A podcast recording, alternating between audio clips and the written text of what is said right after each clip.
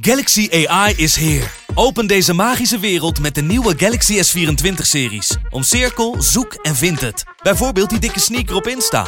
Of omcirkel een foto van een gerecht en vind meteen het recept. Op zoek naar wat liefde over de grens? Met ChatAssist als tolk is jouw liefde grenzeloos. Maak vlijmscherpe foto's en bewerk ze als een pro. Met Photo Assist verwijder je al het ongewenst uit je foto, zoals lelijke reflecties of je ex. Bestel de Galaxy S24-series nu op samsung.com. Vechtersbazen wordt mede mogelijk gemaakt door Unibed. It's time for Vectorsbazen!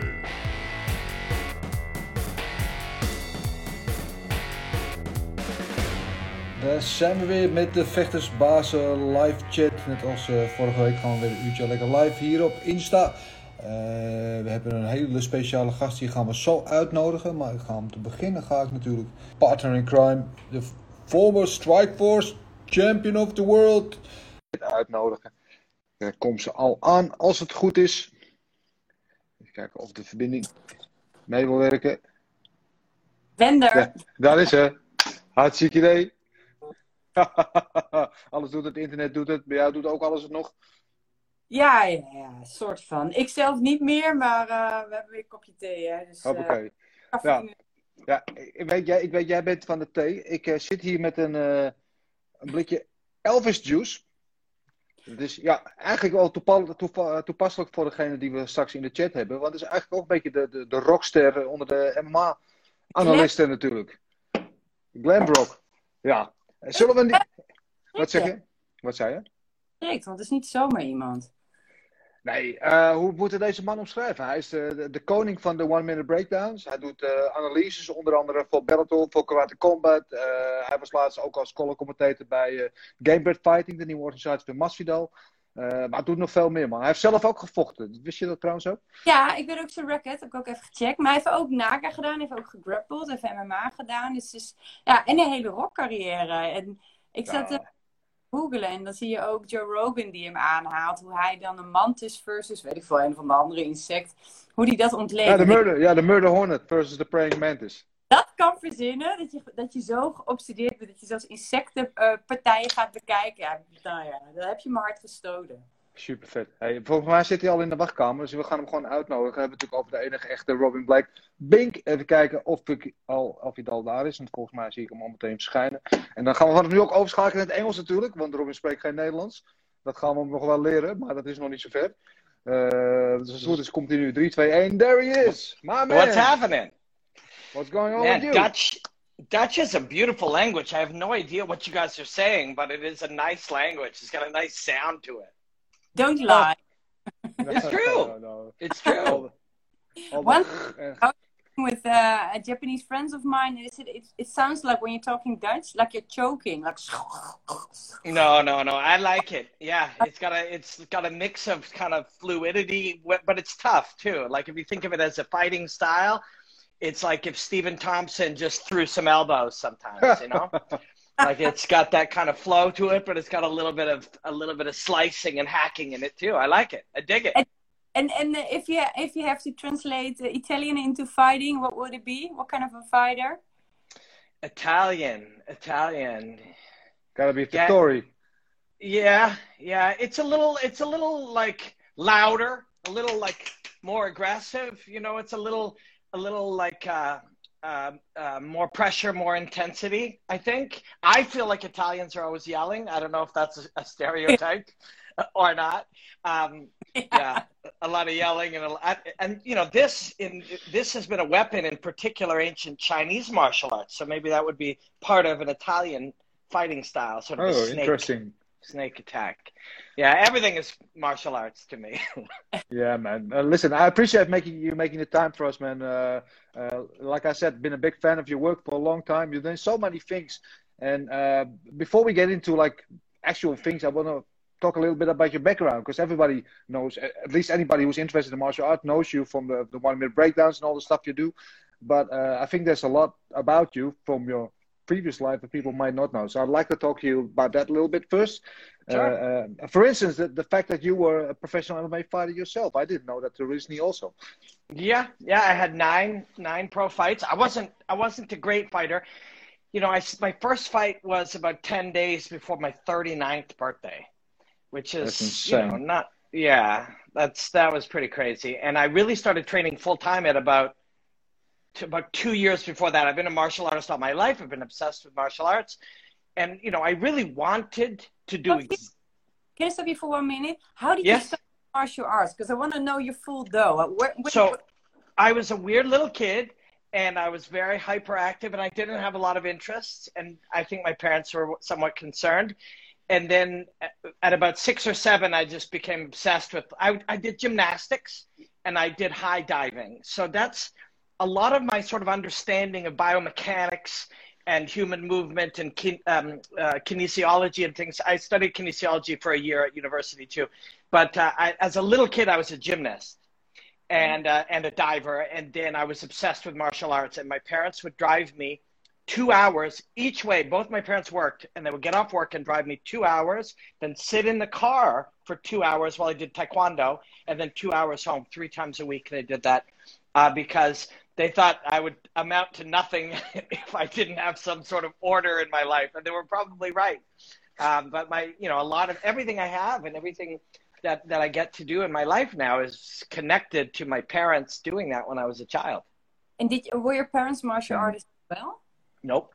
They were not, but they always from the I have two brothers and from the times we were young, they were like, you know, if there's something that you love, pursue it. And and and I did my my father uh was uh grew up on a farm and his family nobody in his family had ever even got a grade you know gone to school past about seven or eight or nine years old. They just dropped out and went to school. And my father went to university and and became educated and and sort of built a life. And so they both my and my mother lived in wales uh, in the united kingdom and then she moved and traveled with the army as a nurse to travel and see the world so my parents believed in hard work and committing to things and and so I, I was very lucky i had two driven parents that were willing, you know, that saw that this was the thing I was into and encouraged it.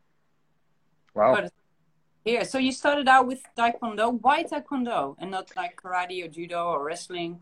Honestly, I went, there was so where I lived was a little small town, and uh, about two hours away was a city called Winnipeg, which was kind of a it's a bigger, it's the biggest city in the little province in Canada where I grew up.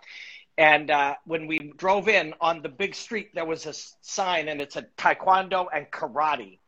And so I went. I wanted to do karate because I knew what that was.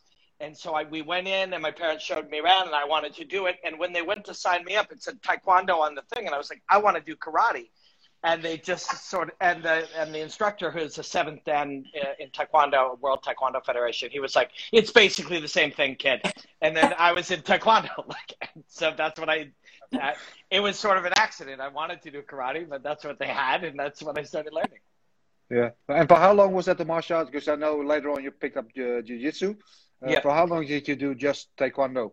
so from about like uh, seven or eight kind of you know and uh, through high school and uh, into sort of my early 20s and then i didn't do a lot of martial arts training. I was still read and obsessed and and I- i sung in a rock band and i did lots of kicks and i stretched every day and stuff. But i didn't train sort of actively until in my mid 30s again. And then i started really training muay thai uh, jiu-jitsu and boxing a lot. Uh, but i always was interested in in sort of m- more about like how the human body moves and how our brains kind of connect to how we move um, and so the more i became interested in the movement of the human animal the more i was interested in different kind of martial arts too And and what was you picked up? Well, let me put it like that. Uh, martial arts again in your mid thirties.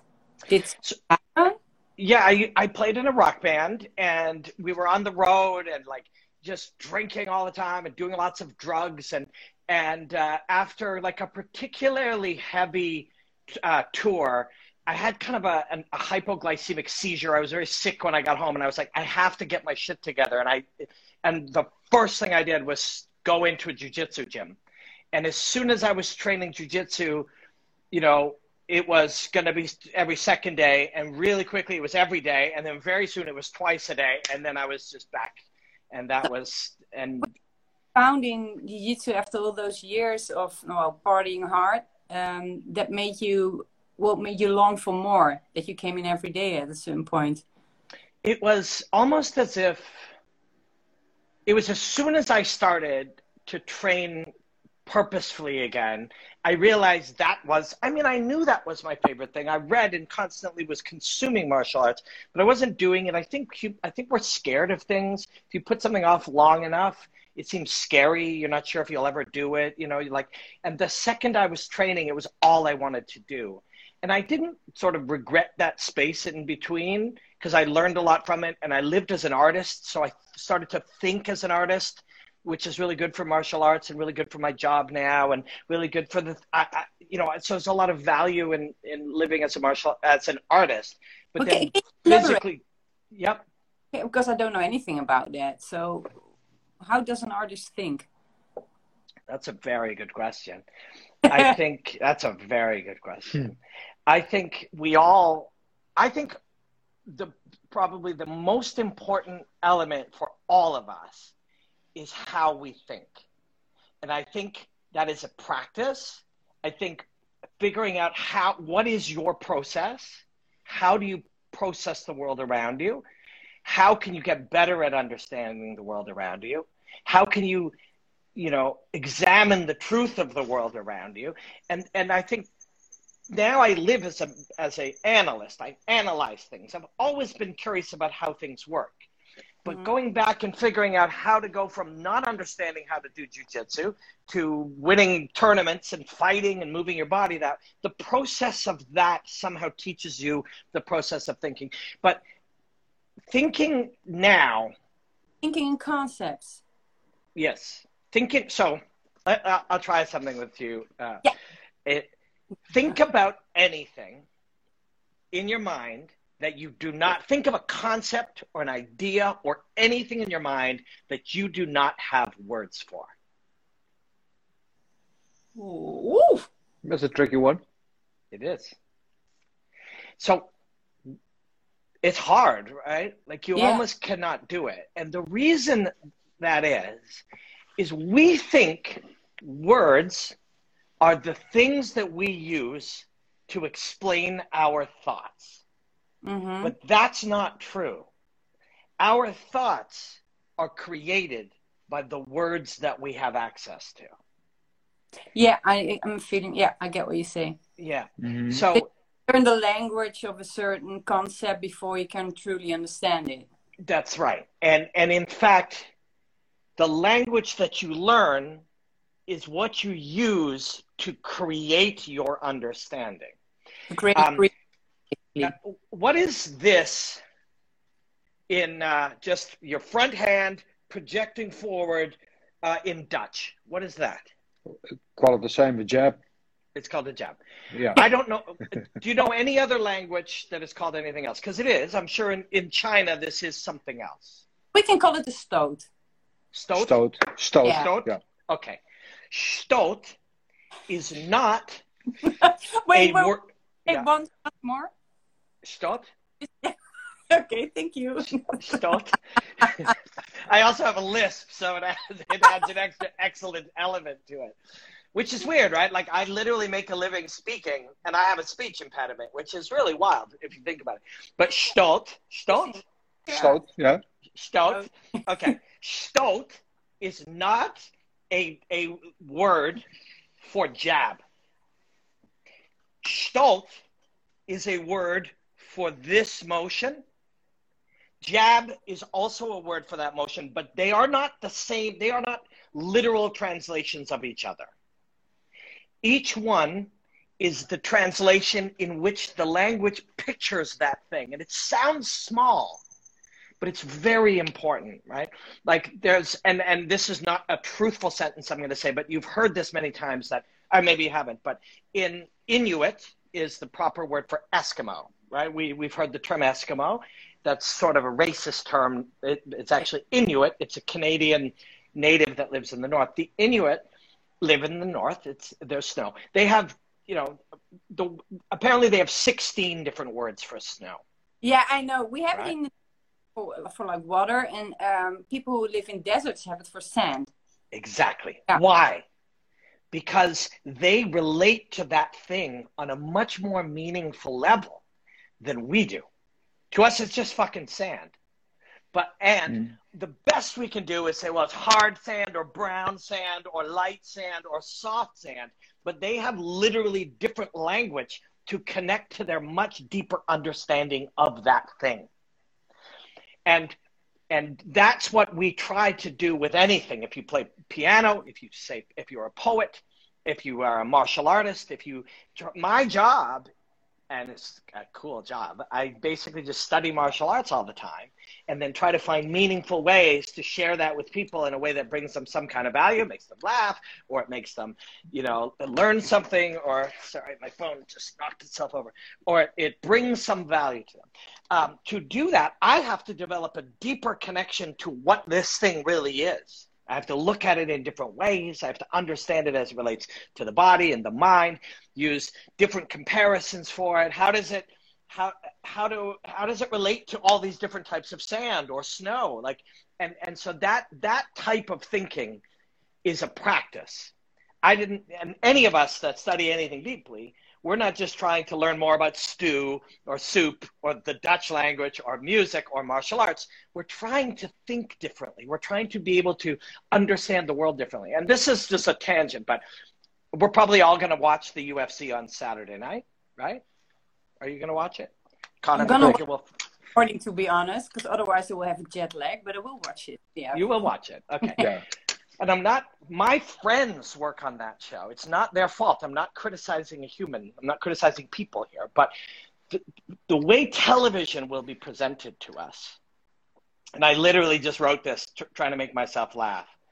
I said, Who's excited to watch provocative hosts and media trained athletes ritualistically execute simplified verbal formulas in suits towards locked off cameras from a well lit desk? that's what will happen, right? It's and it's not their fault. There's a structure created that will not allow them to speak factually about this art form. They mm-hmm. will speak in the language of sport. They will speak in the language of entertainment. They will speak in a way that sells pay per views. They'll speak with whatever objectives to sell the things, but they won't speak truthfully. But we humans watch the news or sports or entertainment or the Oscars or whatever, and we think that what we're hearing is real and is truthful and is deep. And then we think we understand it, and we go out into the world thinking we know things, when in fact, we've had the world simplified to us in such a way that it's actually not real.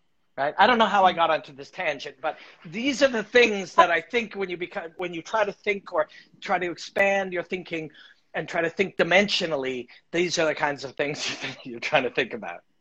No, but it, because we started out with like, how does an artist think, and we ended up with this amazing uh, thought you just. Yeah. Um, going back to that, if you have to put in like um, two sentences maximally, uh, how does an artist think? I think I I think an artist thinks dimensionally, and I think they think from a place of understanding how little they know. And and, and and that and that's and they do know how to connect with their audience, so to speak. That's what you trained in as well. I think I think that's an element how the artist thinks in terms of being a a um, you know a practicing artist in society. But I think the thinking, I think an artist thinks the way that a martial artist does or a painter does, and that is from a place of utmost. The most important thing I think that allows you to think artistically, dimensionally, is understanding how little you actually know.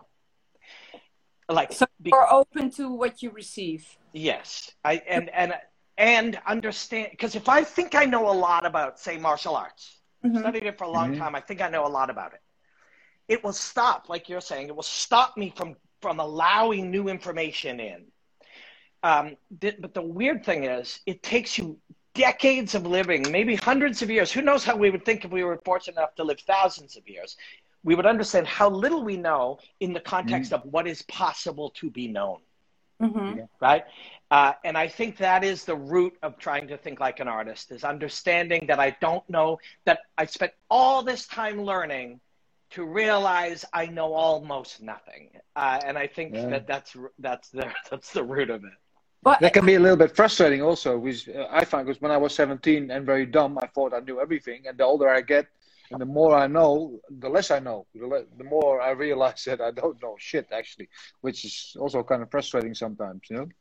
Yeah, and it's it's a very very very strange kind of world that we're living in because there's information everywhere. But most of it is sure that it's really correct. And most almost everything we know, if we could live for a thousand more years of learning, it would be ridiculous. almost everything we know.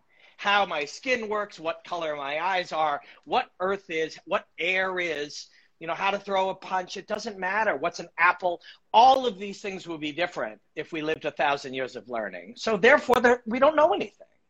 Um, but uh, an even more important part is understanding a lot of people know a lot more than me and knowledge is also real right when i go in and i train with a black belt I know that that person has spent, for the most part, has spent a long time learning. And in the learning, I will learn a lot from them. I will occasionally learn from the white belt, but the but but study is real. Information is real. Becoming better is real. Expertise is real. We live in a world where people actually think expertise is not real. Like, you know, I'll go to get my car fixed, and the mechanic who spent 30 years working on cars, now he could be he could be corrupt he could be trying to trick me like those mm-hmm. that's real but he has spent 30 years my opinion of my engine is not equal to his because he's a he's an expert expertise is real um, but yeah it's i don't know how we we got we No, got no. into this kind of stuff. No. the-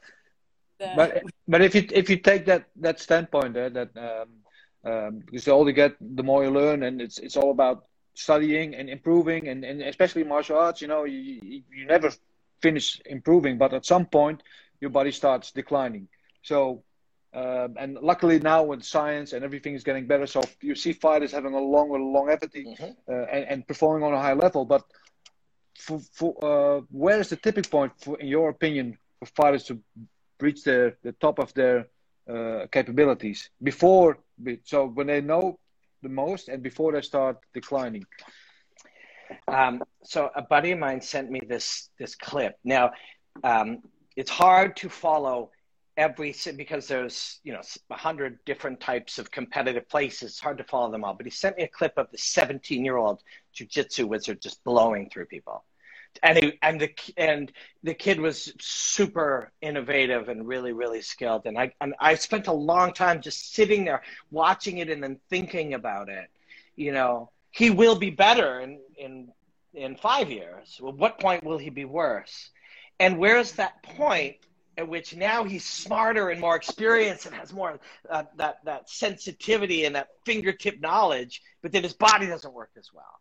And so it made me kind of start explore, exploring different things. And so gymnasts popped into my mind. And there's certain gym and uh, there are gymnasts that are at their best at 19. Like, why is that so? Because at 25, their bodies can't allow them to do what their neurology allow, knows how to do. Yeah. So, can fighting get to that point? And is it okay if we just give Vitor Belfort a whole bunch of drugs? like, Well- is that okay?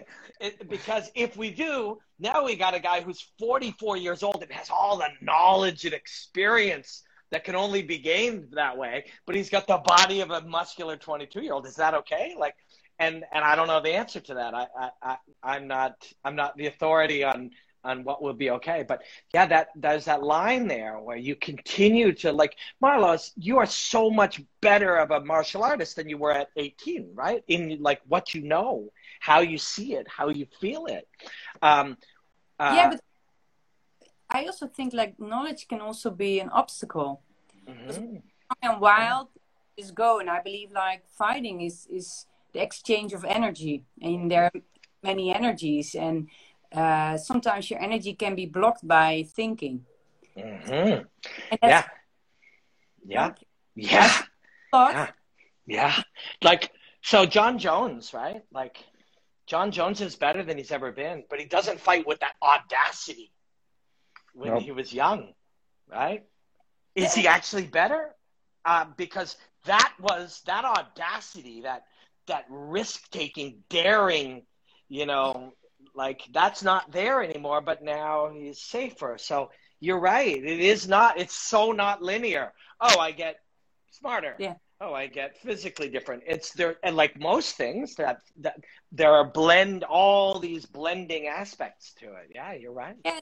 also you have people who f- first have to fall very deep before they can uh, recover and become better and stronger so that that it, and that's very personal for me i like the i love the rawness of young fighters the best i do love the when they're very technical and very skilled and all but uh, that raw power that they just unleash because they Mhm. not fully developed as a human being uh, don't know Because they don't think too much. Uh, yeah And sometimes th- they're scared, and that helps them. Exactly, that's okay because then your your energy will. If for me, fighting is about the flowing of free energy, hmm and the more free your energy is, I think the better you fight because you're more intuitive, hmm and that's why I think I like young fighters the most. How is that for you? I think uh, I love what you're saying. There's uh, there's a sort of a science. Well, and again, it feels like a high level science, but it's probably very rudimentary of what it could be. But there's a really amazing book uh, that I read called that Firas Zahabi actually recommended to me called Thinking Fast and Slow. And it's sort of have you ever heard of it? Do you know it? My partner has it uh, somewhere here in. Uh, the- Yeah. Yeah, I, I, I'm I'm 100 percent sure, but we have too many books, so I cannot grab it right now. I haven't read it, so please tell me. Okay, about- read it. Read it. It's incredible. Um, if I say to you, uh, what is two plus two? Don't ask me. You should know. yeah, yeah, no, t- very true. I should know. But if I just throw it out, two plus two is yeah, Four. yes, uh, yes. But uh, two, and that you didn't think about that. You just know that, and that automatically happens. If I say to you, two hundred and forty-three times six minus fifty-three, you can do that, but that is a different process through which your brain will have to operate. Mhm. And we want to take that one, 253 times 6 minus whatever, and turn it into 2 plus 2 equals 4. We want to train ourselves True. so that that complex thing becomes that easy thing. And if we can do that, then we will do it in a fight. This thing will happen. I will do this. It will lead to this. And we'll allow ourselves to fight. And that's the beauty. And I've only had that experience a few times. I don't know how many you've had it, Dennis. Marloes, you've probably had it a lot of times. No, p- oh, please tell me about one of those times. How did it f- fell? Where was it? Uh, Paint. Why you say it in English? I don't know. so that feeling, the feeling that you just watched yourself perform, where where, and and this is very difficult to, to explain to somebody who's who's not fought in a cage in their underpants in front of people or a ring. Uh, Uh, while everybody's staring and there's cameras at you and your mom and you look down and your mom's over there and you can't hear your coach and you're starting to panic and then that thing is very different than when you're in there and time has slowed and and you can see everything and you can hear everything. And i remember a moment in a fight actually my very last fight whereas somebody's his hand is in a position and I'm able to watch myself remember to use a wrist lock in such a way to just strip it off. Something I never did ever training, but that I could in that moment I not only automatically did it, but part of me could feel myself learning that when it happened. Do you know what I mean? Like all of a sudden you're you're just and they and uh, I had- the- with uh, uh with, now once probably more. This is the first thing that pops up. It was I think ADCC 2007, and I was fighting a, a Japanese girl, and she was so quick, and she was quicker. I knew she was quick, but she was quicker than I anticipated. And then I did a new arm lock, and I afterwards I didn't know what I had done, but it was a new technique I've, I had never Wow. done. I was uh, flowing with her energy and Yeah. the armbar always. And all of a sudden there was this new thing. Yeah, so I know yeah and you watched yourself do it and it felt like the uh, um, juan archuleta i was talking to him about this and he sort of talked about how we we a lot of us understand the idea of flow And most people have experienced it. If they played soccer as a kid and there was that one day where just everything worked, they didn't have to think, everything they touched went in. Some people have had a, a business meeting like that, or like they played video games and they just got into this thing where and time changes. You know, Mhm. your interpret your relationship with time changes. Most people have had that in some way. Juan was talking, we were talking about it, and he was talking about that feeling of being out front of it. We're sort of writing it. We're almost writing the story as you're also connected to it. And that's what you did that day, as you you literally crafted an arm lock that was an extension of everything you had ever done, learned, who you were, what your body had learned, what you what what Mhm. you had learned about yourself, how you prepared, every arm lock you'd ever done, uh, people arm locking you, connected to you being in a physiologically altered state. Because flow is literally a physiologically altered state where there are your brain chemistry. And I actually talked to Joe Rogan about this the first time I was ever on his podcast. I read a book on the plane called The Rise of Superman. We talked about it a lot that day. And then he had the author on a long time later. And he's analyzed flow by analyzing, which is that state of sort of superior performance, by analyzing people who are whose sport requires them to be in that for a long time or they'll literally die. Like, for Mhm. example, a free climber. A free climber may be up the side of a mountain Mhm. with no ropes or no nothing.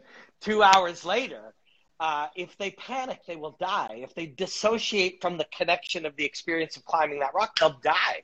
Or these people who flip motorcycles like three and four times, like in these things, they have to, they literally have to access this physiologically altered state of optimum performance or death will occur.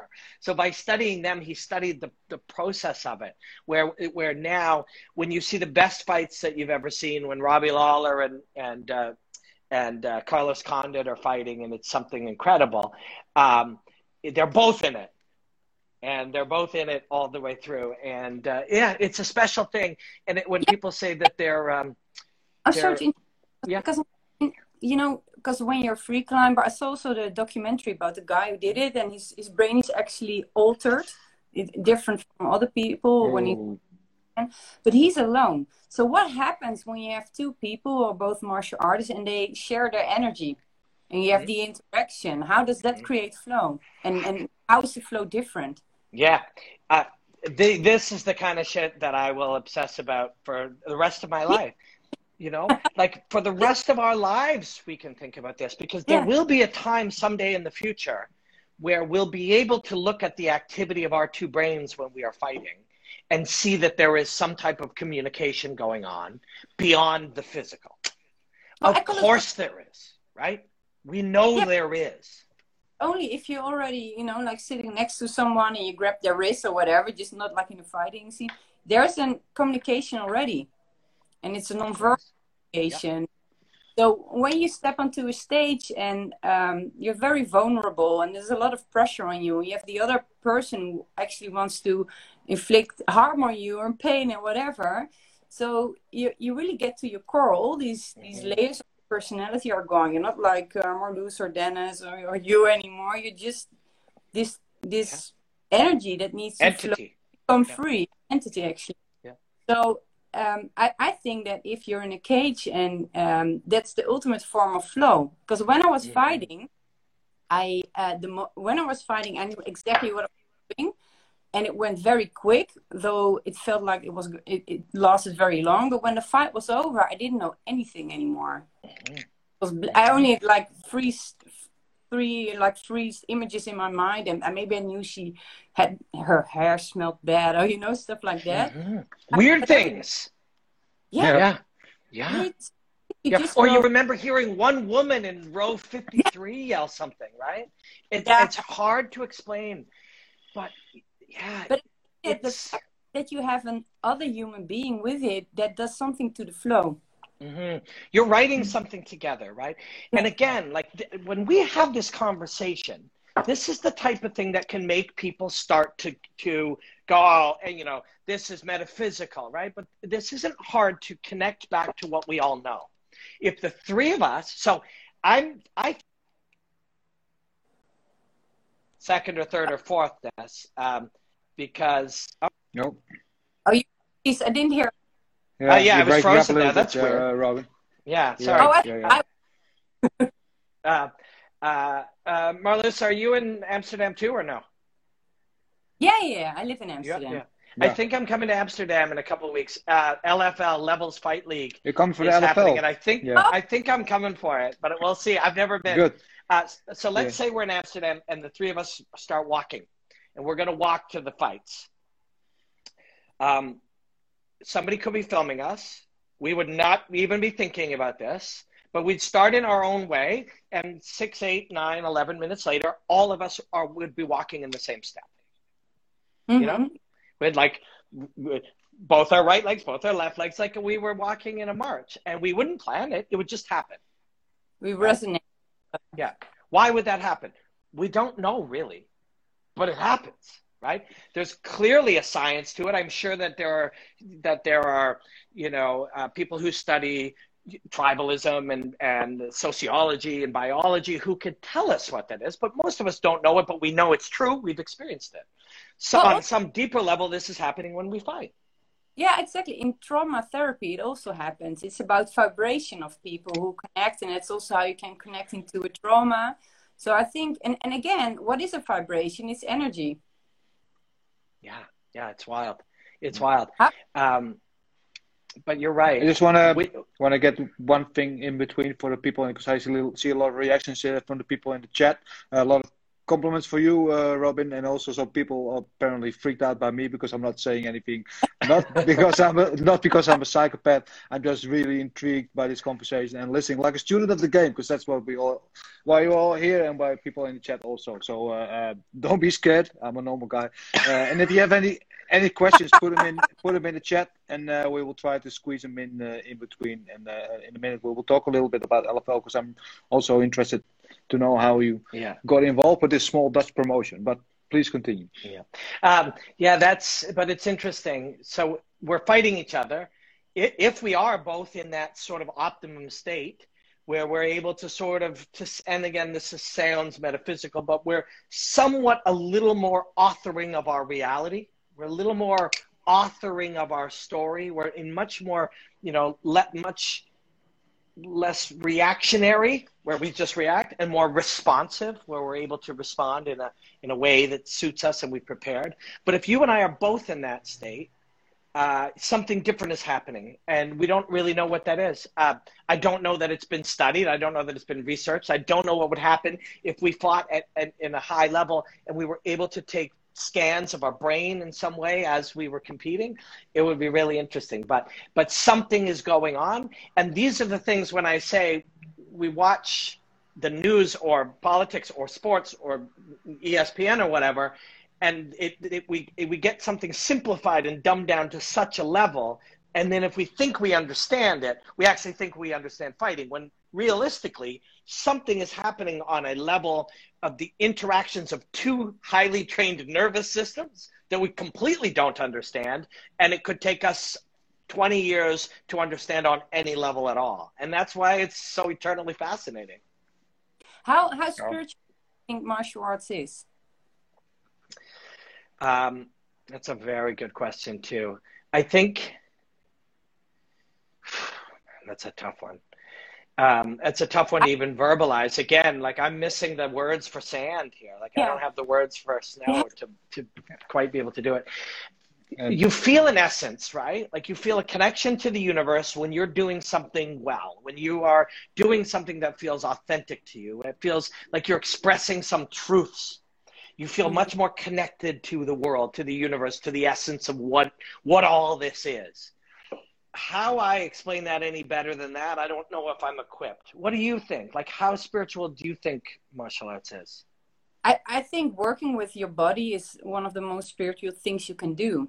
And and actually, I became spiritual uh, through martial arts. I never was. I think I was, but I was never aware of it because I'm not from a spiritual environment. But the more you, you know, I had interviews, and then I said, like, when I was fighting, there's no such place as time. There's no, there's, there's you you you zone out and and it's very in the moment and and then when you become older you you create you, you get the words you get the concepts and you read a lot and you see a lot then then you just realize that there's nothing more spiritual than that. Like for instance in the netherlands we are very we're not the most warm people on earth. We're not hmm, hmm. that uh, so touch is for us a, a, very hard thing. Where it's not America where people learn to wrestle when they're young. I think that's one of the most wonderful things about America that everybody learns how to wrestle. Mm-hmm. And um, and also we're we're very um, rational for that part. So uh, we we live with a lot of people in a very small place. So we need to talk with each other. We need mm-hmm. to talk. We need to make sure we don't uh, smash, smash each other so it also makes it we're kind of afraid for emotions like uh, aggression that's so not done here. It's like okay. and then training women for edu clinics stuff like that. I always notice how how scared people are of aggression. Though to me aggression is just a very powerful energy.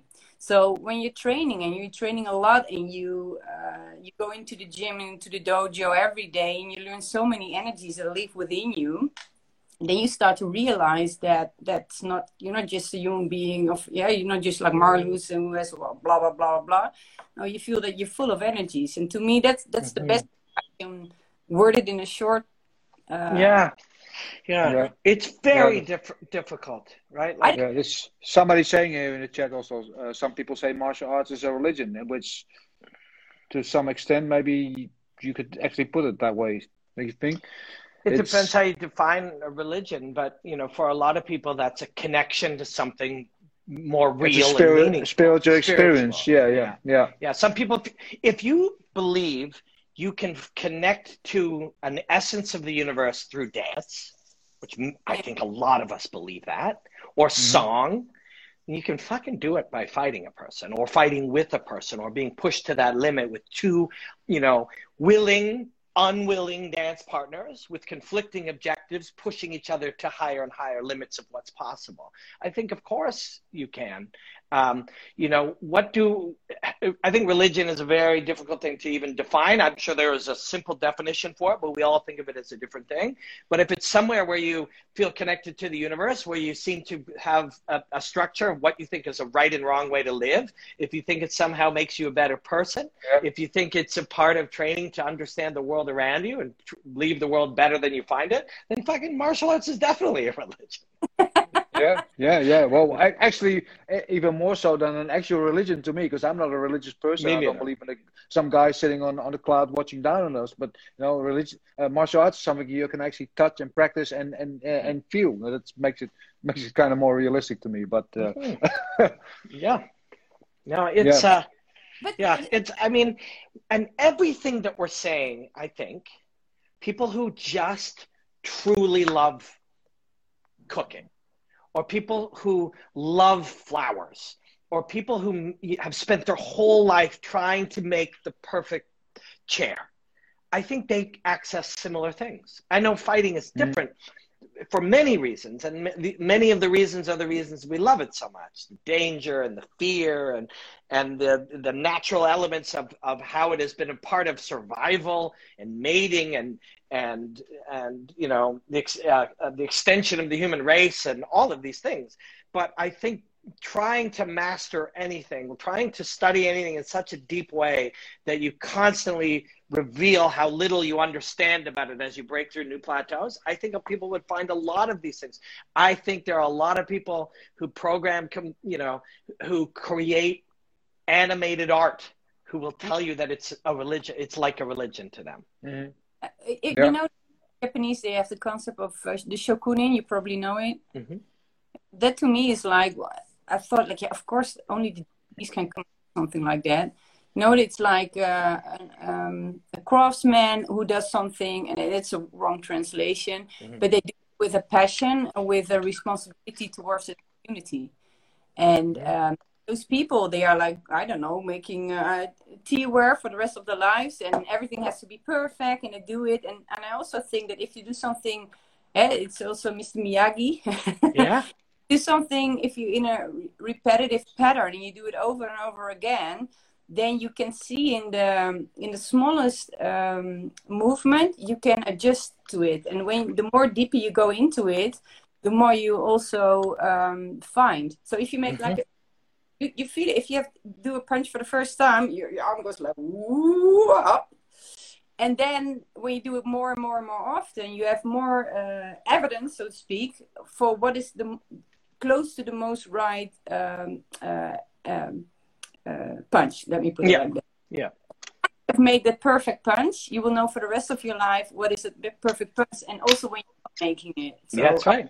Going totally off track right here. no, I'm with you. If you Yeah. if you know exactly how to physically express something just the right way for you, because your perfect right hand is not the same as Dennis's. Well, Uh, it's- actually, that there's one way to make the perfect punch because then it that's the punch when the energy flows freely, Mhm.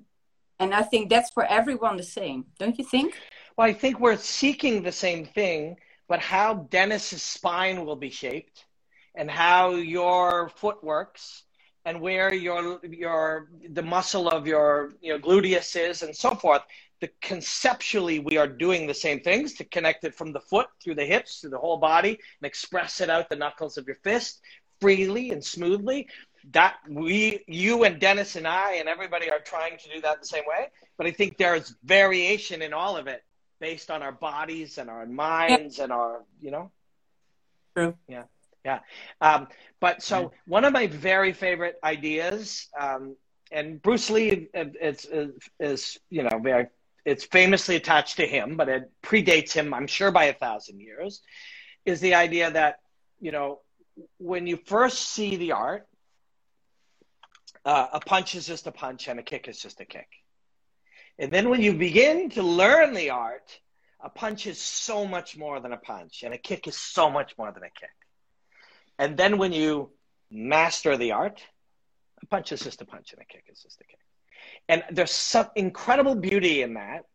And you see it when you see people try to make sense of something. Oh, you know, uh, Dustin Poirier calf kick, blah, blah, blah. It's not about the calf kick. It's not about the calf or the weapon any more than if we say the person who painted the Mona Lisa, they just had such an incredible paintbrush. It's not about the paintbrush. It's about the art. About- It's about the artist. It's Yeah. about the idea. It's about the thought, right? Um, you know, About intent. who's what's that? It's about intention. hmm hmm Expression, yeah. And you know, Prince. Nobody should be saying, "Oh my God, Prince's guitar is so beautiful." It's not the guitar. It's not even the notes. It's the art. It's the playing, right? It's the it's the artist. Um, uh, Miles Davis had uh, had a uh, had one, and I, I'm paraphrasing, but he was like, um, "The note is twenty percent. Anyone can play the note. The attitude of the motherfucker who plays it is the other eighty percent." Oh wow, yeah. Mhm. that you know miles davis said something like that and and and that's and what i always wonder when we get to this idea that somehow you could achieve mastery and we we, we like to talk about oh 10000 hours i asked frank mir this and i've asked a few different real elite elite elite martial artists who've been around for a long time i've asked people this um, you know we say it takes 10000 hours to mastery and of course, that's just a generalization. But let's just imagine there's such a thing as mastery, and it took you 10,000 hours. Well, what happens at 20,000 or 30,000? Right? Like, like there, this cannot be like a firm ceiling. Like, there's got to be more, right? And that's part of the drive to to stay healthy enough to be able to do, study your field at 60 and 70 and 80 is to find out what's on the other side like what is past that what what how could you connect to it in ways that that are you know that and and that's where Bruce Lee it's like a punch was just a punch and a kick was just a kick. A punch was more than a punch and a kick was was more than a kick and he mastered it and a punch was a punch and a kick was a kick again. Well what about later? Does it become you know more again? Yeah, yeah. but Yeah. I- it reminds me of when we had um, uh, Andy Souwer on our podcast, and he was talking about uh, Petrosyan, and uh, he said he wants to fight him once more. Well, they're now both in uh, in one, and he said the the reason why he's so perfect is because he has all these concepts uh, in his mind of fighting and he has a very good eye. So he only has to move very little to make other people move a lot. So i think that if you add this 70k hours Mhm. that you don't have to work that hard anymore to get the result that you want to have. That that might be an outcome of it. How do you feel? Mhm. Yeah, yeah, where it becomes just like a, just yeah, another level, an ease, an Yeah. ease, like, mm-hmm. you know. And I think we can see this in in many ways. Like if we happen to instead of, you know, studying martial arts, we study music, we would all know that person who can play something and it's effortless. It's just mm-hmm. truly effortless. And if we went back 10 years, it was hard work. And if we went back 10 years before that, it was rudimentary work. And and this this this truth is able that we can learn from studying anything is able to apply to everything. If you want to be a better friend, practice it. Like Yeah. study what Yeah. good friends do and try it and then fail a little bit and then try it again. If you want to Yeah. learn to speak if I want to learn to speak Dutch, I know how to do it. It's going to be a lot of work, but I know Stick, I can do it. stick, I- stick around long enough here. We'll, we'll teach you, no problem. Yeah. yeah, but a guy like Petrosyan also, it's all we talked a little about the Matrix before. You know, we're getting in the flow where you see Petrosyan is one of the guys. He indeed has a very good eye, and he see, almost sees things happening before his opponent mm-hmm. knows what he's going to do himself. He's he got such a that's why they call him the surgeon, I think. And for how long he's been doing it? He's, he's still fighting, and he's been doing it for like 16, 17, 80 years on the highest level, and still. Still, may be the best in the world in his weight class. It's insane. Yeah. So cool. You know, Yeah. so and I'm I'm trying to figure out what that is and how to explain it truthfully. That's the other thing. Like in a world of oh my god, big right hand, striker versus grappler in a stylistic matchup, like these are all television sports isms. They're not the truth. Right? I'm looking for the truth. How can I explain that truthfully? And when I try to find ways to understand it, you have to leave martial arts for a second. Okay, so I can't think. I've only studied martial arts for, you know, 40 years. I can't quite think what Petrosyan's doing. I can't quite understand. But where can I look at it with a fresh eye? And so baseball's not big where you guys are from, but you understand uh, somebody throws a pitch. If all, any Yeah. of us saw it, it would go like this. And we, we couldn't see it, like at all. We'd be standing there like this, and then it'd be gone and yet these hitters can not only hit it, but they can see it coming Mhm. and they can anticipate where it's going to go. And then they can know exactly, because it's only going to be a, a hundredth of a second till it's there, have their brain can can tell them what arc to, to do it on, on a rehearsed physiological expression that they spent their lifetime doing. And then if you said to them, How did you know it was a fastball? You'd be like, I just know. But how mm. did you know? What they can't explain to you is that that ball, as it's being released, something in the design of how the shoulder is in that moment is being read by their brain, which they don't have words for to explain or the time to explain it because it happens in a millisecond and it'll take 10 minutes to explain it. So they can't think it in words. But the, the brain is going to take in the knowledge of how this moves. It's going to extrapolate it into where this will be in one one hundredth of a second. It's going to make adjustments into their entire body to ask their body to swing it in a way that they've spent their whole life doing, distribute it in a particular way with their feet and their hips and their back and everything. And they hit that fucking ball. And how to explain that is very difficult. Mhm. But that's happening on and on and on and on through the entire fight. The entire Yeah, yeah, fight is fastballs and stuff. And yet, Yeah. the best we can do, because if you just hire any fighter to just go and do commentary, they're going to, oh my God, he saw the right hand and he slipped and he did this.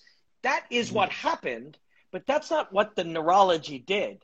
The human neurology did a thing based on what you taught it, based on a long period of time, connected to the essence and a connection between our two Yeah. minds during flow. Well, how the how do we explain that, right? Yeah. It's very difficult, and, uh, And, but that's and the layman's yeah. and in layman's term, we just call it intuition or fight IQ. Yeah, fight IQ is a really bad one. We should we should definitely stop using that one Why? Because- why. because that's like saying, like, so let's just pretend fight IQ is real. Let's just pretend that's a real thing. if it were real, we'd have to break it up into a hundred other things. How are you at inter- interpreting things in real moments? How are you at getting yourself mentally prepared for a round? How do you recover mentally between rounds? How do you read things as they come? How do you hear your coach? How are you able to process? All of which are separate skills. So somebody with a good fight IQ might be might be good at at adjusting during the moment, but bad at resetting his mind in between. Somebody might be excellent at mentally preparing for the walkout, not very good at handling the pressure of ha- uh, having their nose full of blood. Like there's so many thousands of variables, and we generalize that guy's good at this and that guy's bad at this, and it's just not true, right? It's just an incredible sports television generalization un- that's there, and it's a very it's a perfect example of what I was talking about. If we say it long enough, the the audience thinks everything is snow or everything is sand or there it is, we got it. Now you think you're smart. Well, what are you talking about, bro? Jon Jones has a great fight IQ. Well, Daniel Cormier's got a great fight IQ too. Now we can fight on Twitter, even though neither of us know what the fuck we're talking about. And that's that's kind of the world that we're in. So, uh, is if you study anything for a long time, I think you want to find the truth. You want to look for the true, truthful ways to talk about these things, if possible, as best you can. Uh, which of course is very rudimentary compared to what you might be able to do in 100 years if you worked hard. Yeah, yeah, that's insane. That's the same thing about. Um, I love it. yeah. Can we can we talk can we talk a bit of fights? Okay, I know I know you have a very profound and, and deep knowledge of about fights and fighting and all martial arts, and and I'm I'm curious to know what you know about Dutch fighting and fighters in history. And Uh, big names, big, large accomplishments. Um, you know, but yeah, but actually, my my Dutch history is is very poor. to- If I'm being, I, I mean, maybe I would surprise myself. Maybe I would be, uh, maybe I'd be a D instead of an F. Um, but you know, it's tricky. It's tricky um, because as soon as you start to commentate sumo, well, that's a hundred years of sumo to to absorb. As soon as Yeah. you start to commentate uh, Lethwei in Myanmar, there's hundreds of years of to absorb. When you you know, my primary jobs now are Bellator, Karate Combat. combat.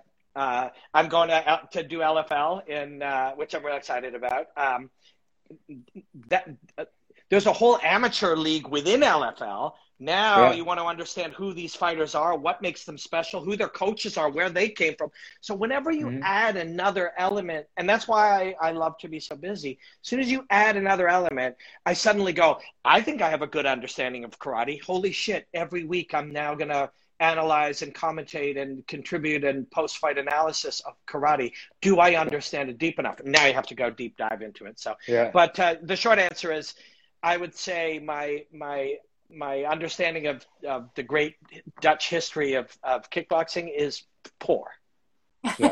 Uh, how did you, how did you get involved with the with the LFL? Uh, they had their first event. Uh, I know you were supposed to be commentating there, but you couldn't because you were together with me uh, shooting the, the finale of Karate Combat. Yeah, we were doing some of the well, we were doing the um, the uh, some of the uh, like acting stuff. People don't know this, but there are like sort of acting elements to it. Uh, where Bas Rutten's traveling through time and stuff. We were shooting that kind of stuff.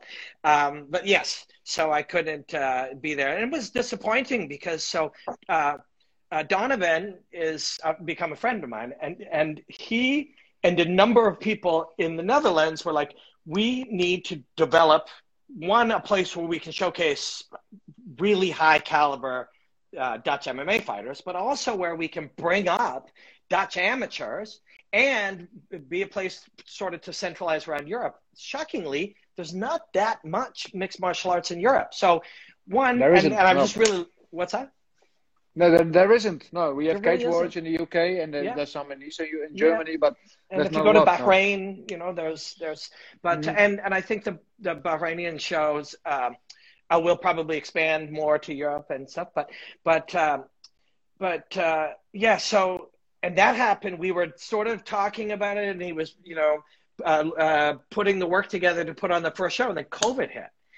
And when you spend time with somebody who's working on a project that hasn't even launched yet, and there's a global pandemic, and they don't bail, you know they're legit.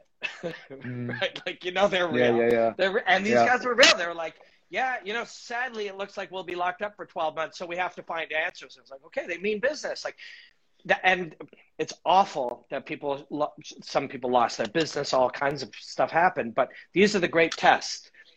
Do you love what you do? Because when a global pandemic hits, or something bad happens, or there's a war, you know, um, that's a good chance to go close down what you're doing and restart. You've got a good reason to do it. And these guys were just like, no, we're doing this. I was like, okay, then I'm going to be involved.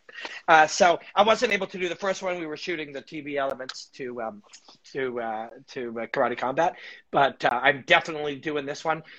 I said Good. yes to commentate it remotely, but then I just checked, and it's like the borders have been lifted really well uh, uh, in Europe and in Canada. So I feel like Yeah. we'll decide in the next two or three days if I can go. But I think I'm going to go. Should come. Come here. Yeah, Yeah, would- I know. I Would be to. good to have you here. Yeah, yeah, Yeah. yeah. Would be great. Uh, I'm interested also to see the second show. I didn't see. I, I saw it on uh, um, uh, the day after, but uh, just this week got announced that Jason Wilnis. I don't know if the name rings a bell. He Yeah. was former glory champion. Yeah. Uh, has has wins over Adesanya, over Pereira, over Joe Yep. Schilling. Yep. Uh, switching to MMA, and he's going to make his MMA debut on the next show. Uh, I did hear that, and I do know his pretty work. exciting. Yes, it is. You know, a show like this, where from day one it's good, and you've got a cool uh, element to bringing up high-end amateurs is great. But when you can add a name or two names to it, now all of a sudden you're in the second show and already it's big. My role will be to, you know, make sure that I bring sort of a, a, a shed kind of an artistic eye on on you know some of these fighters. But yeah, I did hear that, and that is very exciting, and it's cool Yeah. uh, when you see somebody who was their whole life a specialist, and, and MMA really is a generalist, right? You know, you Yep. are a specialist. Marloes, you started in jujitsu. What was your first? What was your first martial art? I wanted to start with kickboxing, but my mom didn't allow me. so I became BJJ. Yeah. So you were a specialist at that time, but then now, as a mixed martial arts fighter, you are a generalist. You fight and whatever. I like to call it free fighting.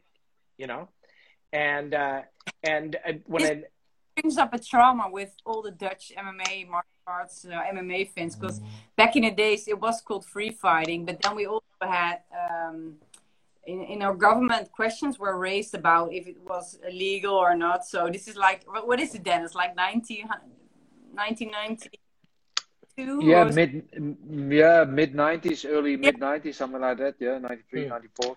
So, but Yeah. please, this is uh, um, a big trauma to me. So, why will you want to call it free fighting? because I think the idea of what people think MMA is, I think, is a very Western idea. I think its natural tendency was to at first combine ex- established dogma created, you know, dogmatic styles. You kickbox, you do jujitsu, you're a mm-hmm. sumo wrestler, you're a Muay Thai wrestler. Let's combine them. Whereas now I feel like real and and the the weakness, the the philosophical weakness of MMA is that first it said the flaws of all these other systems are that they are, you know, they're doctrines. You must do this, never do this, always do this, never, you know, and they were too many rules that were not based in truth. Because if you say you must always keep your hands up, but you're fighting a guy who wants to take you down and grab your legs, keeping your hands here is bad if you don't know how to defend the takedown. So these in in the realities of fighting, the doctrines that you were taught in particular styles were, were not true for free fighting. So historically we said let's blend them. But now I think what we're to for free fighting to really progress is you have to dissolve them. Like it's not a blending of boxing and kickboxing and jujitsu. It is a No. true use of all parts of the human body to fight freely. And this mm-hmm. idea is, I feel it's a very dated, commodified idea to say, how's this guy's boxing? How's this guy's wrestling? Well, he's good at jujitsu. All of that is kind of horseshit. When you're fighting in, in free fighting, you are not doing jujitsu or boxing or kickboxing. You are free fighting. no, it's about synergy. I think even more about because when you're talking about free, then it's free from the old. That's But what's happening in, mar- mixed martial arts is that you create synergy. So let's call it fighting. Yeah. Yeah. But how do you how do you feel about this though? Because now, uh, before it was all like the specialists, you know, the sumo west, uh, sumo wrestler going against a boxer, uh, jiu-jitsu guy going against uh, or whatever uh, wrestler. Uh, and now the next gen, the new generation, everybody's coming up as a mixed martial artist. So they're all around. They train everything Yeah. from a young age. So we have all this, like you said, generalists. Um, well, I believe, I'm, I'm not sure you agree on this. This may lead to the extinction of the specialists. Now we have like still some special, like a Wonderboy Thompson's, like the karate, Mhm. uh, and before uh, our friend Lyoto Machida, and you have the uh, Cormier Suro, the, the wrestling specialist, and Yeah.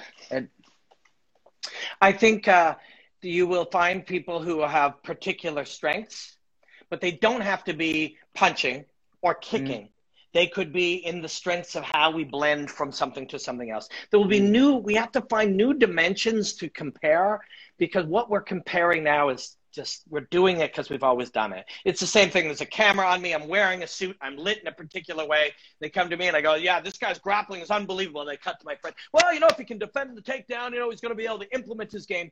It's all bullshit, right? It's all horseshit none of that stuff is really happening right and and the flaws that happen with our language now is they go see isn't it crazy you got wrestlers like usman knocking out strikers like jorge it's because Mm. neither of those two things are true right No. it's not shocking that usman knocked out jorge although they're both geniuses brilliant it's not shocking because you call him a wrestler and you call him a boxer that's a flaw in how you talk not a flaw in the truth of these two beings right? It's No. a flaw in our discussion of them, not a flaw of our, and a flaw in our understanding of them, but not a flaw in the truth of them. Because neither one are either of those things, and nobody is almost any of those things. And, and then some of the weakness of it comes where we're now, all we'll argue is words, right? If we don't understand things in a meaningful way in our flesh and in our blood, we just argue about the words we're using. My, Dan Lambert is the one of the heads at ATT, and we were working yeah. together on Gamebred Fighting Championship. And Da- Dan Lambert said, "If you told me ten years ago that karate would be way more important than Brazilian jiu-jitsu in fighting, I, I would have never believed you." And, and then we left it at that. And I thought, you know, under the old way of using con, um, uh, controversial ideas to get clicks and likes, this would be perfect. Karate is more important than jujitsu. We could argue over it on Twitter and yell at each other and call each other names and use illustrations and debate it. Um, the truth is, it's flawed because you're not doing either of those things. You're just fighting. And it doesn't matter. Is this jab? Is that Muay Thai? Is this boxing? Is it karate? It's mm-hmm. I'm expressing a punch from using Yeah. my whole body to express energy through two knuckles, landing it on your face. Call it whatever you want. It doesn't matter what you call it, and that's where our weakness is. And it's very di- this is a very difficult plateau to get through in the in the sort of the broad understanding of combat. I think. Yeah, I am. Well, Right. I also get some other ideas. Like, um, I also think that people, uh, that the personality of a person shines through in fighting, and especially in in mixed martial arts because it's so creative and you can show so many sides of yourself. So you have the people who just like to go to the ground, and you have the people who like to stand and you know bang. Mhm. So, um, apart from which. Um, uh, martial arts you have started out with, or well, maybe that does also say a thing about you. What is it that you want to start out with? Do you want to really paint a knuckle on your head, or you're more into the flow of, of a throw and taking someone down? And it's also your environment. Where do you come from? Do you come from an environment where you have access to all these martial arts and you pick out this one? So it, it's not even about yeah well it is for sure about the words but i also think that there's a very important aspect about the person of uh, that who's picking out the martial arts and how they Hundred percent. But that's what we just goes back to what we said about it's not Prince's guitar that's amazing; it's Prince, right? Yeah, i Um, love those And um, uh, Bruce Lee said this, but many have. Uh, it, and fighting is an expression of individuality. We all know that to be true, right? Yeah. We we know that to be true. But the language that we have limits our ability to t- to say that. If all we can say is, "What are you, a kickboxer or a boxer?" You're Mhm. not either of those things. You're you. Mhm. you know, you're you. Uh, so these are limitations of language, and and the more it's such a it's such a fun and exciting trip to try to to try to flesh these things out because you go further and you try to go further and you try to understand deeper and you go why am i having such a hard time explaining this? Why can i understand it? How can i tell people about this? Am i doing a good job? Like is that and you realize oh my god the limitations are in the words that i have. The limitations are in my own comp- uh, in the narratives narratives of any kind. Narratives dominate your thinking and you think you're thinking freely but you're actually thinking within a hallway if and I, I don't want to get into weird uh, shit that people argue about on Twitter, but if Donald Trump could only be like a Jesus-like figure, like called Q, that could save the world, or Hitler, if only those two things are possible, and you truly believe only those things, two things are possible, that creates a particular uh, discussion and understanding and relationship to the world if you and so any kind of narrative dominates your thinking where you actually lose the ability to think freely um, and dimensionally um, so yeah What it's a, it's a tricky thing What was the point when you started to break out of your own mind? That you I- realized, like, wait, mm, I'm So- lacking words concepts. I, I I have these periods that are very stressful. Actually, they they feel very stressful. Uh, and I've talked to a good friend of mine who's a performance coach, uh, David Mullins. He's a he's a sports psych and a performance coach, and and I'm like, and, and he can usually see like where there there'll be a lot of tension, where like something is wrong. I'm understanding that I'm suddenly I'm understanding that I'm not understanding. Mhm. I hit a point in it where I'm like, there's something with there's a limitation in the understanding and breaking through that is usually very stressful and usually a lot of tension. And usually it involves having to go back realize realize how somebody said my mic is off. Do you guys hear me? I can I- hear you perfectly. yeah, Yeah, yeah. so often that's a that's Oh, a I don't- joke. I just, I just saw that pop up. Um, the uh, yeah where all of a sudden there's a lot of tension and uh, where you understand it suddenly hits you that you don't understand something or something you believe you understand is fundamentally flawed and that's usually takes some amount of time. Like there were times so uh, for example when i first started doing analysis videos with arrows and punches and explaining things it was like 2012 so almost 10 years ago now. And i used to say this guy does this. And when he does this he's heavy on his front leg. And whenever he throws a hook he has a tendency to move underneath and he'll do this. And the more i did that the more uh, the audience seemed to like it, and I, it was, my pieces were popular. But further along, I started getting to this tension. I'm like, wait a second, these guys aren't robots. This isn't a Dungeons and Dragons character or a video. That's a person.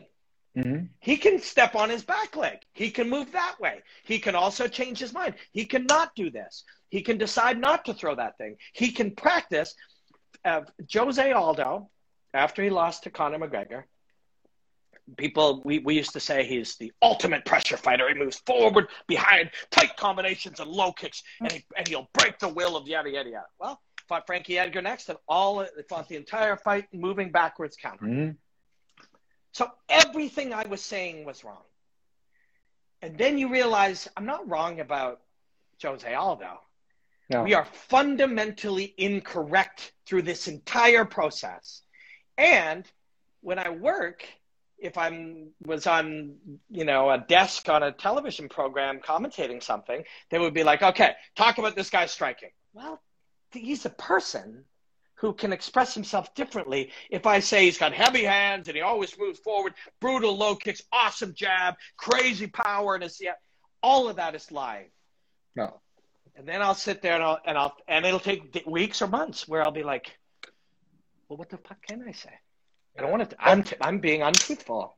That's about So- the patterns, right? To some fighters, Yeah. they have certain patterns, and they don't Yeah. have to be necessarily the same all the time. But you can see Yeah. over a period of, of a few fights. And or, for sure. And then let's let's go another layer deeper when we're talking about this. Okay, Conor McGregor got his calf kick beat up. What's he going to do to counter the calf kick? Well, he should probably check the kick. Okay, wait. If I know that, of course Dustin Poirier knows that. Mhm. And of course, he knows what he would do about that. And Conor knows what he would do about what he would do. So what I'm saying isn't being truthful. It's just nonsense.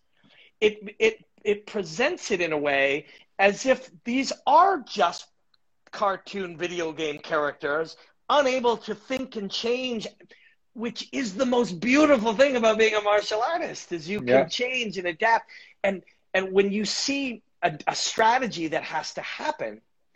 That strategy if understood by my opponent creates a strategy in him which i may then anticipate and change to to exploit that strategy.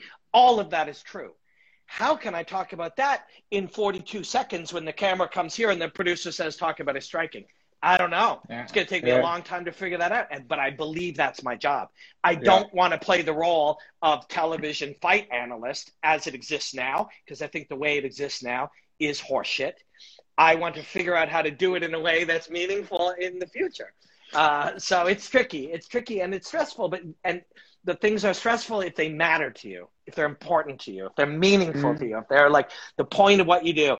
Like we said earlier some people make chairs there are people who make chairs that chair is is an expression of who they are their life's work So, but if we talk now, we're talking about it anyway because this Saturday UFC 264, uh, Conor McGregor, Dustin Poirier, part three. Uh, I know you did a breakdown about the fight a while ago with George St. Pierre, which was absolutely amazing, by the way. Um, so, how do you look at this fight now? You said saying you can't predict it maybe because they're going to change, of course, because Conor is going to do something about the calf kicks, and Dustin Poirier is anticipating about that. So, in, in your mind, if you if you analyze this fight now, which is merely impossible, then probably, but Well, I think there are like super interesting things about it. Um, like the meaning of it is really important. Like, I think at its highest level. So we mentioned Jon Jones. I love Jon Jones. I'm a huge fan of Jon Jones. Jon Jones has publicly said before his biggest fights, he used like cocaine and like and like literally sabotaged himself. He ta- Yeah. I don't know. I didn't watch all of it specifically, but he seemed to imply that he gave himself an out. And a lot of fighters, I don't know, Marloes, if you've ever done this or seen this or know about people who have done this, but this idea that if you hold something back and lose, you can say to yourself, well, I would have won if I worked harder. I would have won if my foot wasn't sore. I would have won if I didn't party in, in Brazil a week before I fought whoever. That out, you know? And Conor kind of had that. Mhm. Jorge had that when he first fought Usman. It's a week's notice. It can be very Yeah. freeing to have that. It can be very freeing. It can give you short term success. Uh, but when you remove that thing and you say, I am literally going to do everything within my power, my whole life will lead to this moment. I will train with everything I have and I will and I will save nothing for the fucking swim back. Uh, all preparation will be done. And then you go in there, you in theory can be free, truly, truly free. And so you have both of these guys who ideally have that ability. In the first fight, Dustin was overwhelmed by it. He had he did not have the experience to deal with that co- amount of mental pressure. In the Nope. second fight, Conor McGregor believed he was still just automatically Conor McGregor, forgetting that all the success he had was the result of hard work. Now you have Yeah. both of them at their best. And with both of them at their very best, their very freest, um, to predict how that goes, I'm not capable. You know, I'm not No. capable. But that's what excites me. If Yeah. that really is. And the beauty of it is, if you lose, you must go back and tr- and go about your life now with the truth. I did everything I could. I trained to the maximum of my ability. I prepared in every way I could, and I went out there and I let it out, and I failed. That's very difficult, but it's very Mhm. powerful. This is Yeah. part of the journey. Trying, Yeah. failing, giving everything you have, and finding out it's not enough. It's part of the journey, and uh, and that's the beauty. That now I'm stoked about that fight. Uh, I don't know if I get to discuss it that way in any context on an ESPN desk ever. Probably not. Uh, instead, they would be like, "What about the calf kicks, bro? What about his big left hand? What's going to happen if Dustin Poirier takes him down?" We can talk about any of that, but Yeah. to me, this is So what makes know. it meaningful. This is this is why I deeply care. What Yeah. the- going totally off track of the fight now. Um, what was your biggest lesson, uh, biggest insight, I know how to put it, what a better way to put it, uh, that you have from martial arts? You take all that 40 years of experience into one lesson or insight. I think ab- I oh god. I think at true abject failure, like going into uh, it's tricky. Failing, I think failing has been the most powerful thing for me. Um, it was also why I wanted to go fight. Like I wanted to fight because I truly wanted to live every day as a martial artist. I wanted to analyze it. I wanted to commentate it. I wanted to be able to like, and I've worked in television in Canada before, and I used to sing in a rock band. I wore eye makeup and had big hair, and I knew these people would never accept that guy talking about martial arts, no matter how much I loved it. And I figured I should fight one time, and one time became two, and then and then became three, and I won, and then it became four, and I won a little local belt, and the path of it. But the failures, I think, were the most important, and the truth of them. You know, the of all the cliches on planet Earth, my very favorite is the moment of truth, right? It's the moment of truth. Like, who are you right now? Like, what did you, how hard did you work? How alert are you? How ready are you? How courageous are you? You know, what are you? And, uh, and when you fail in the moment of truth, it's incredibly painful. And that pain you're going to really you're going to decide consciously or unconsciously to move towards it look at it learn from it go oh my god this is harder this is scary or you're going to say well that was bullshit uh, you know the ref cheated me or you know i slipped and that shouldn't have happened and i think the finding truth in the failure made me more successful in subsequent fights but also in life like and and i'm not afraid to fail and I'm not afraid to look stupid anymore. And I was, I think, before fighting. But when you get carried out on a stretcher while people boo you, um, and uh, you never cry so hard in your life as the morning crying alone in a hotel room, bawling, feeling like you're going to die, with your wife on the other end crying because she's hearing how just devastated you are. And then you come, you build back from that. It's and the building back from it is is worth it. Um, it's worth it. Um, yeah. Yeah. So, but uh, uh, you've been on stage. You've been a rock star. I, I, bet you've been booed off the stage once or twice. It's not the same. It's not no, the same. I was no, about to ask. No. Why not? Not? Impression of who you are. You're also very vulnerable on stage. What is then the big difference of taking the stage of an MMA cage or a music stage? somehow for me, performing, and this was super helpful, it is still helpful, but singing, talking, uh, it's kind of easy somehow. Somehow it became easy. And I think it became easy because of the 10,000 hours that I did it, but it became easy. There was no inherent risk.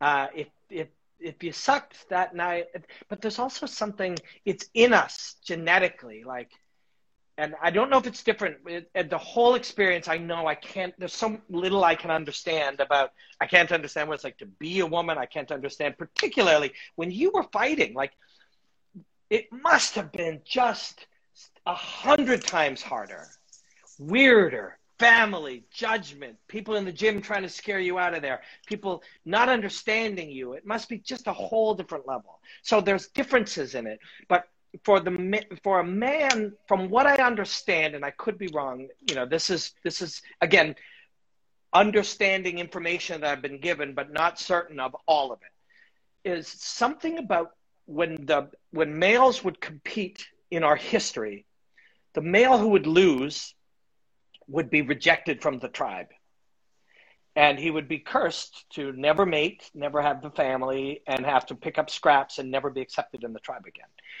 I don't know if that's true. I, and I and I it feels true. I've, I've heard this before. I've had this discussion with other people, including people in science. I don't know how that relates to a to to you to your experience, but but for me, I felt that this this this complete um, what's the word humiliation. George St. Pierre uses that word all the time. Just tr- and I'm, that I'm sure a woman, a child, a man, uh, anyone from any walk of life would experience that. This true humiliation that you shouldn't feel, and you know consciously you shouldn't feel, and you know you've done everything you can, you know you were brave and worked hard, and yet I just felt this true humiliation. Um, Did you feel humiliated as a man or as a martial artist? both, both as a human, probably. I, it's and it's very difficult to try. It's hard to differentiate because in the end, you're a man or a woman or or whomever, however you identify, and a martial artist and a human being and uh, from your town. You know. But the fact that you were referring to the tribes and the man that is being kicked out, it makes it that part of your identity is pushed forward in, into fighting where, where you do not have it in music when you're performing. So I'm glad you brought that up because now I wonder if I just used that as an explanation for my feeling. Because I hear that oh the when um, when the male would lose in this tribe they would feel this Mhm. and I use that as an explanation doesn't mean it's true doesn't mean it's true at all you- Um, uh, I was it my semi. I don't know. I don't know her name anymore, but it was in Bellator, and I was supposed to win, and she didn't make weight. And uh, well, long story. Anyway, I was so pissed off, and I was standing in that cage, and I've never felt rage towards uh, an opponent, but that time I felt it. The only thing I thought was, "I will hurt you." And normally, I was, "I will win." yeah yeah yeah wow um, yeah I wow wanted. To punch did you hurt her No, she hurt me. wow I wanted to punch her, and I thought she would go toe to toe with me, but she shoot me straight away, probably because she knew sh that Yeah. what I wanted to do. Yeah. And I ended up in a guard, and I remember that I was like, "Oh my Luz, this is uh, because I knew it was at the end of the first round. I was I was already ashamed that I didn't finish her in the first round. Mm-hmm. So during the fight, I was like, "Oh my Luz, come on, this is this isn't happening here." And then she did an armbar on me. I didn't Wow. even have time to tap. The referee otherwise she would have broken it completely and i have been crying so extremely hard in the locker room that there was a doctor he just laughed because i was like Wow. hyperventilating and Wow. also about that feeling i know it so i think it's more from my perspective more of a human thing than a male I think you're right.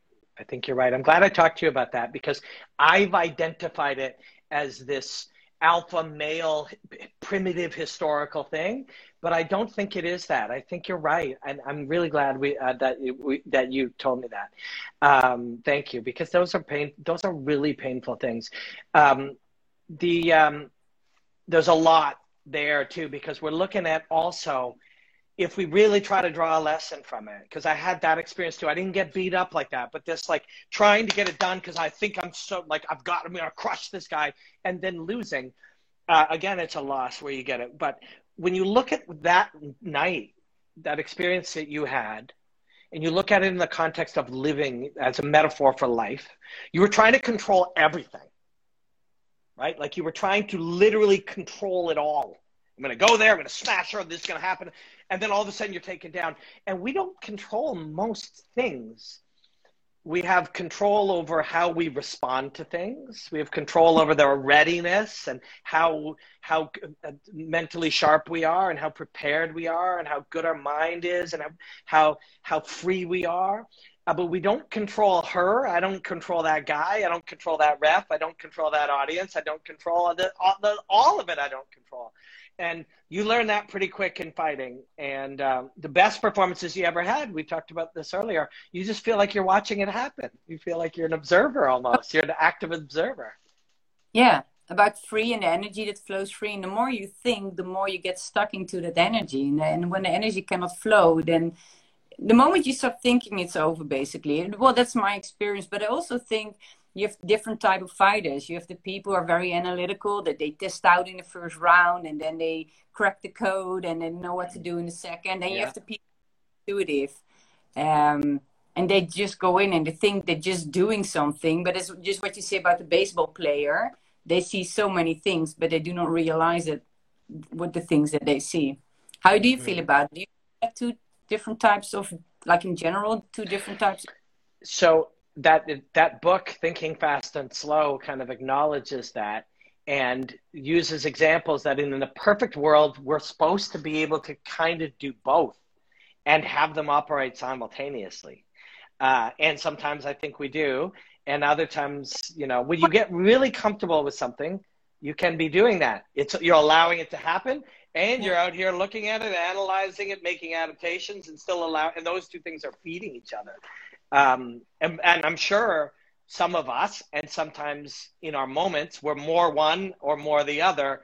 But in a perfect world, we're able to access both. We're, if you're driving your car for two hours and you suddenly go, oh my God, I haven't even been paying attention to the road. You feel like maybe you've been a dangerous driver, but you're actually the best driver at that point. Yeah. You, you've just allowed it to happen. While that's happening, you can also have a conversation. you Uh, probably 70k of training hours. What's that? You're probably then when you can do that simultaneously. You're at the 70k, not the 10. That's uh, right. Yep. Yeah. Yeah. Where you're. Feels like uh, Tiffany van Soest uh, who's talking. She was in a podcast talking Yeah. about it, what you just described is just Tiffany uh, talking Yeah. about. Very philo- philosophical, also. Huh? Yeah, it's weird. Yeah. philosophy used to sound like something, you know, foofy to me. And now I see it's just a different way in many ways to look at real things. Like you can look at how, you know, my blood takes oxygenated hemoglobin through my artery to my brain and you can use you can describe that same process philosophically and it's still the same process and by understanding it both ways it's like having different words for sand or snow you start to connect to something more deeply when i'm in amsterdam i hope we can all like sit in a room together and do this We will. That would be amazing.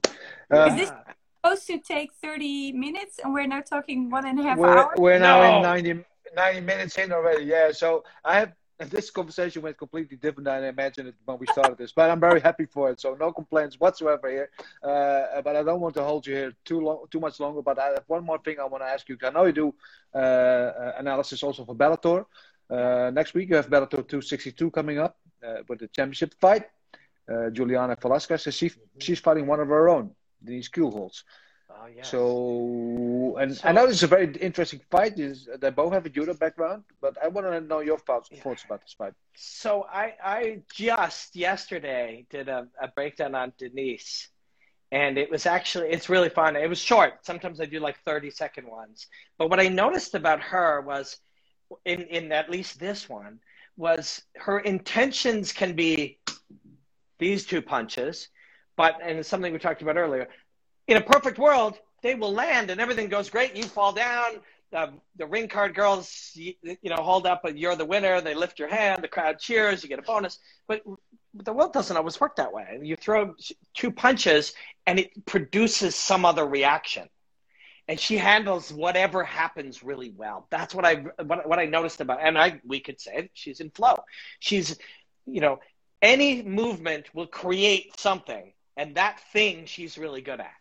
And I thought that was really cool about her. How she enters into an exchange, or how she starts a sequence, or what she creates ends up uh, uh, leading to something else. And I really like that about her.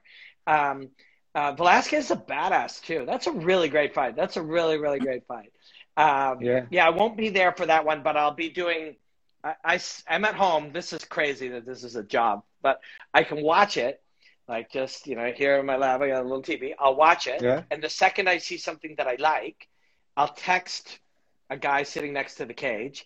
And on Yeah. whatsapp he'll send me that clip. And then i can just build a breakdown right there and put it up on bellator like social like 10 minutes later.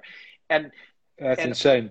it's insane. And when i first started doing that they just airdrop you know on apple products was just new now it just feels normal. But I would be sitting back, like in the VIP section, and Chris from Bellator would be sitting at the desk, and something would happen, and he'd look back and he'd kind of be like, "Do you want that?" And I'd be like, "Yeah." And then he would just airdrop it to me, and I'd sit there and go, Bing, and it was in my, Bing, and it's in my fucking iPad, and I, and I just now that feels sort of normal, but that was only two years ago Yeah, you yeah, know yeah. and of course he can now send it from cage side to me at home these things become normal but you know uh, you guys are in your late 30s dennis ah, no, I'm in my uh, mid four, Yes, 45. fine. yeah Yes, you're 45 and Marloes you're 38 39 no not even 40. You're 40. Wow. Uh, well, I'm 50. So I, I lived in a time there were no cell phones, there was no internet, like there was none of that stuff. And now somebody can send me a clip of a knockout to my cell phone three minutes after it happened in California, and I can make it and send it out into the world and everybody can see it. To me, that literally is voodoo. Like it's literally magic. And uh, so I'll be doing that on Friday when they fight. Good. Yeah, I, it's, it's crazy to think about those things. It's all science, but if you think about it, it's like I don't know. I break my I break my brain over those kind of things. So I, I stay away from thinking about that too much. But uh, that's probably for the best. Robert, I really want to thank you for your thoughts and how you shared it with us. It was uh, I don't think it, because yeah. we're here months, it's late, so we, I will go to sleep. But I don't think I will sleep for a very long time. You've given me so much. Yeah. What a nice thing to say! Wow, thank you. Um, no, it was a real pleasure. Like, I mean, Dennis is you. Dennis is one of these guys. You meet him for ten minutes, you feel like you've known him your whole life. Whenever we see each other, we want to hang out. Uh, but yeah, I hope so. I'm hoping it's July 25th. It's a Sunday. I don't think they'll have an audience yet, but it'll be streaming. Uh, so if I'm there, I'll probably get in the 21st or the 22nd. So hopefully, yeah, we can all sit and like you know, drink a Dutch beer and, and sit in a room together. But that's a very nice thing to say. I've enjoyed this immensely. Thank you so much. Same here. I learned a lot from this. And like I said, it went totally different than what I anticipated before. But there we go again. Anticipation can be a bitch. So, uh, yeah, I, I really. I really appreciate your time and all the, the, the, the, profound knowledge you shared with us. It's been a, it's been a treat. Thank you very much. Uh, until I see you in uh, in the Netherlands, enjoy the hostilities, my friends. Always wanted to do that.